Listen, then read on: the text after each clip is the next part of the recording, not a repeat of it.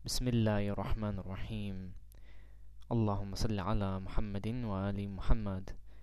اللهم كل وليك الحجة ابن الحسن صلواتك عليه وعلى عباء في هذه الساعة وفي كل ساعة وليا وحافظا وقائدا وناصرا ودليلا وعينا حتى تسكنه أرضك توعا وتمتعه فيها طويلا. برحمتك يا أرحم الراحمين صل على محمد وآله الطاهرين.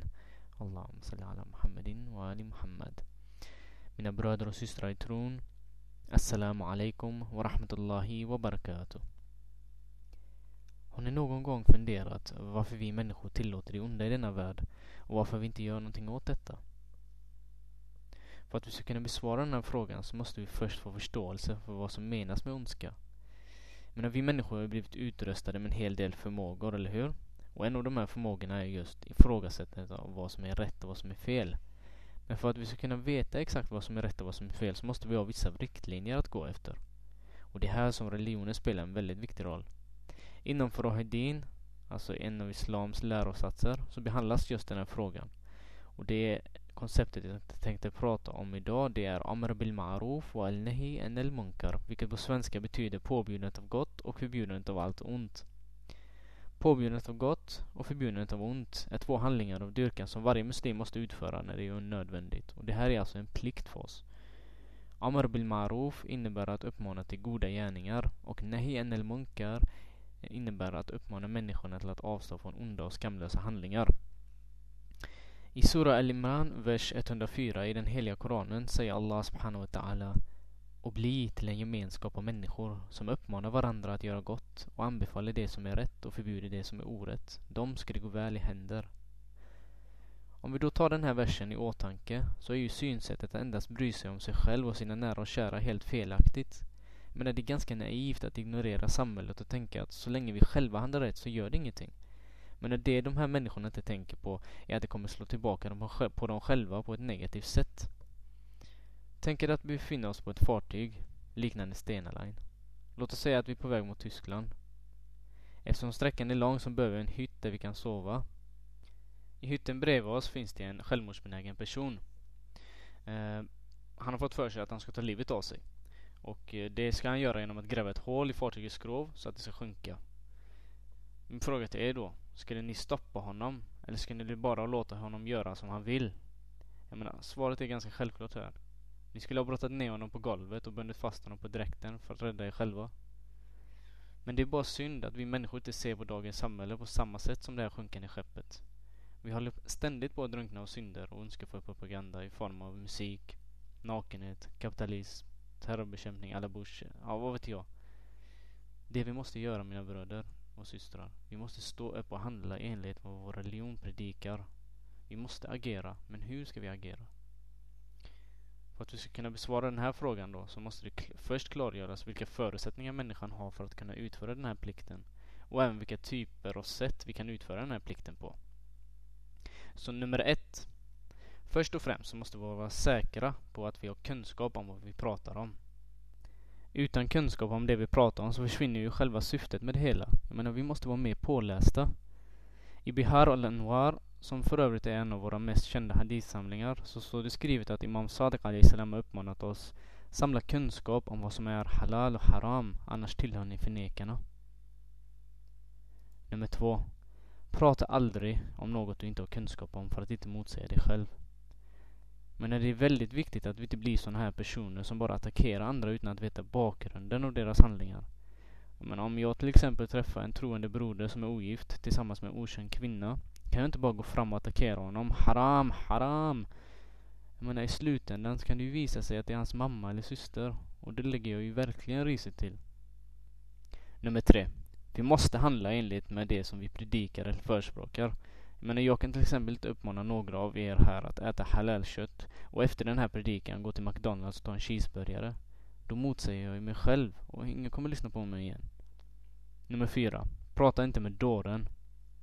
Vissa människor går helt enkelt inte att övertala. Hur mycket du än försöker så ser du att det inte lyckas. Koncentrera dig därför istället på de som förtjänar att bli hjälpta. De som verkligen vill förbättras. Det finns många rena människor på den här jorden som behöver vägledning. Koncentrera dig därför istället på dem. Så nu när vi känner till förutsättningarna för den här plikten så måste vi även lära oss hur vi ska kunna utföra den, eller hur? Och den första typen för påbjudandet av gott och förbjudandet av ont är att göra det med hjärtat. Och detta är den lägsta formen av Amr bil Maruf och al-Nahi al-Munkar. När vi ser övergrepp och orättvisa ske mot våra medmänniskor i tron så borde vi åtminstone känna sorg och grämelse i hjärtat. Men kan vi inte påverka det onda som sker i världen så borde vi åtminstone försöka göra det med våra hjärtan. För hjärtat hos en troende är Guds tron. Profeten Muhammed sallallahu alaihi wa alihi wasallam har sagt att mitt umma är som en kropp. Om ett organ skadas så kommer hela kroppen att påverkas. Den andra typen för påbjudandet av gott och förbjudandet av ondska är att göra det med tungan. Talets kraft är väldigt mäktigt om det används på rätt sätt och detta är en av de allra viktigaste sätten att utföra den här handlingen på. Ahlul Bayt salams följeslagare och vänner var sådana människor. Men hade inte de här anhängarna påbjudit gott och förbjudit ondska så skulle förmodligen inte imamernas lära ha sett ut som den gör idag, alltså varit lika utspridd. Den tredje typen för påbjudandet av gott och förbjudandet av ont är att göra det genom handling. Imam Hussein Ali salams martyrskap i Karbala är den ultimata uppoffringen och det bästa sättet att påbjuda gott och förbjuda ont. Men hade inte den här handlingen utförts så skulle förmodligen den religion vi ser idag inte ha varit lika utpräglad i våra liv utan den hade förmodligen varit mer begränsad till moskén. Uh, I ter Termindi så står det att profeten Muhammed sallallahu alaihi wa sallam har sagt I sanning vid Gud Antingen påbjuder ni gott och förbjuder ondska och håller tag om förtryckaren och övertygar honom att agera rättvist och sanningsenligt.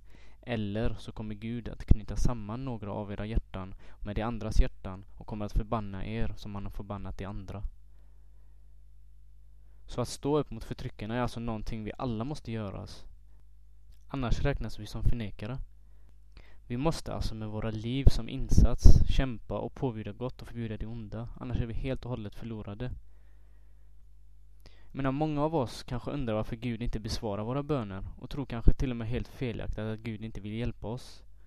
Men vad många av oss inte tänker på här är att om vi inte påbjuder det goda och förbjuder det onda så kommer det här att få allvarliga konsekvenser. Den första av de här konsekvenserna är att Guds vrede och straff kommer att drabba oss. Det andra är att våra åkallelser inte kommer att bli besvarade. Och det här är en direkt konsekvens av att vi har övergett den här plikten. För det tredje, om de troende i ett samhälle inte förbjuder ondska så kommer Guds straff att drabba hela samhället oavsett om de är troende eller inte. Så för att sammanfatta det hela då, så tänkte jag avsluta den här predikan med att ge er några råd. När ni påbjuder gott och förbjuder ont, så gör det på ett ödmjukt sätt, med ett mjukt hjärta om en person, en person begår ett fel så försök stärka den här personen genom att först ta fram hans goda handlingar och sen tala om vad de gör för fel. Imam Sajjad salam blev en gång tillfrågad hur Yazid var som person. Vet ni vad imamens enda svar var? Han var en bra poet. Detta är en tankeställare till oss alla. Utför påbjudandet av gott och förbjudandet av ont genom era handlingar. Men är det inte alla människor som på grund av personliga brister eller andra orsaker är lämpliga att tillrättavisas med tungan. Tillrättavisar de då istället genom att handla bra själv. Om de verkligen strävar efter att eh, bli religiösa så kommer de verkligen inse sitt fel när de ser andra göra gott.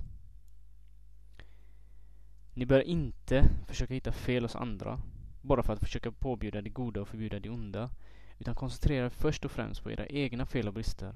I Qisas volym 1, sida 12, så säger Imam Sajjad salam Sträva efter att först sysselsätta dig med rättelser och ändringar av dig själv innan du gör det för andra. Så ha tålamod med era medmänniskor.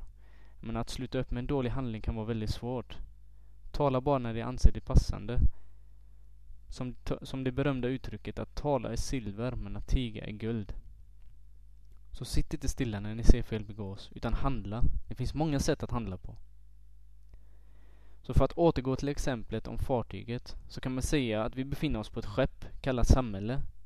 Så länge vi förbjuder onda människor från att sänka det här skeppet så kommer vi att drunkna i ett korrupt samhälle. Förstår ni nu varför det förekommer ont i den här världen och varför detta tillåts existera? Må Allah subhanahu wa ta'ala hjälpa oss att utföra denna plikt och må han påskynda vår väntade imams snara och mycket nära återkomst. Jag vill avslutningsvis be er att skicka en salawat över vår älskade profet och hans rena hushåll. Assalamu alaikum wa rahmatullahi wa barakatuh.